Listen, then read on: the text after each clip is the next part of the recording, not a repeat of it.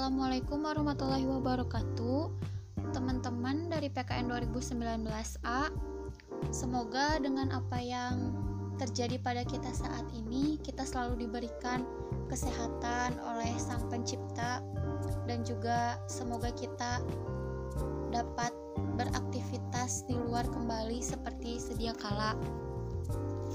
Langsung saja, di sini saya Debi Indah Saribanon dengan NIM 1900522 akan mencoba untuk menanggapi dan mengkomentari apa yang sudah pemateri dari kelompok 5 paparkan. Dari kelompok 5 paparkan yang dipaparkan kan tadi ada bahwa sebagai guru prajabatan itu harus dapat memahami mengenai ide besar dalam pembelajaran studi sosial. Nah, di sini saya akan menanggapi hal tersebut.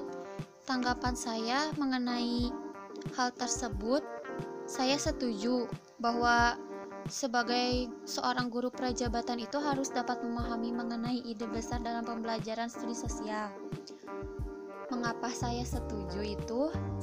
Karena e, menurut saya ya seorang guru prajabatan itu apabila ia dapat memahami ide besar dalam pembelajaran studi sosial maka apabila ia dalam melakukan belajar mengajar di sekolah dengan siswa-siswa atau murid-muridnya siswa-siswa atau murid-muridnya itu dapat memahami gitu apa fokus yang dikaji dalam pembelajaran studi sosial itu dengan fakta-fakta yang lebih luas lagi.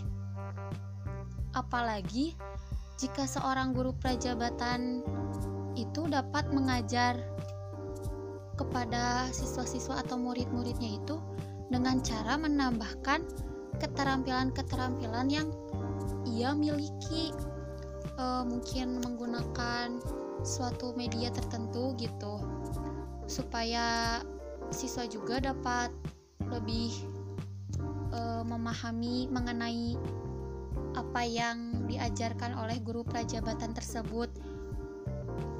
Dengan kata lain, e, siswa atau murid-muridnya itu apa ya dapat menerima dengan cepat apa yang mereka tangkap mengenai studi sosial yang telah diajarkan oleh guru prajabatan tersebut gitu.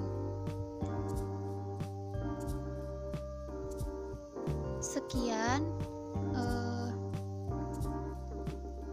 tanggapan dari saya selanjutnya mengenai komentar dalam salin dia atau PowerPoint tadi dari kelompok 5 itu ada beberapa kata yang menurut saya itu kurang dimengerti gitu. Tapi saya tidak tahu apakah teman-teman saya dari PKN 2019A itu mengerti, tapi menurut eh, apa ya bagi diri saya sendiri itu ada yang beberapa kata yang saya tidak mengerti. Coba untuk lebih di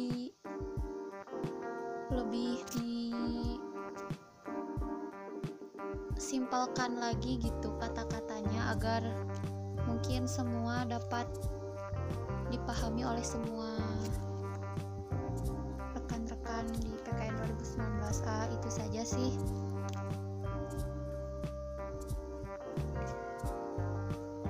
Lalu eh,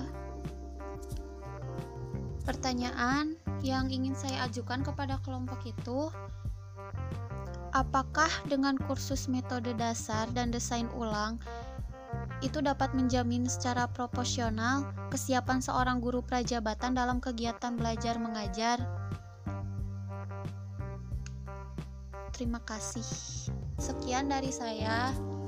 Terima kasih. Wassalamualaikum warahmatullahi wabarakatuh.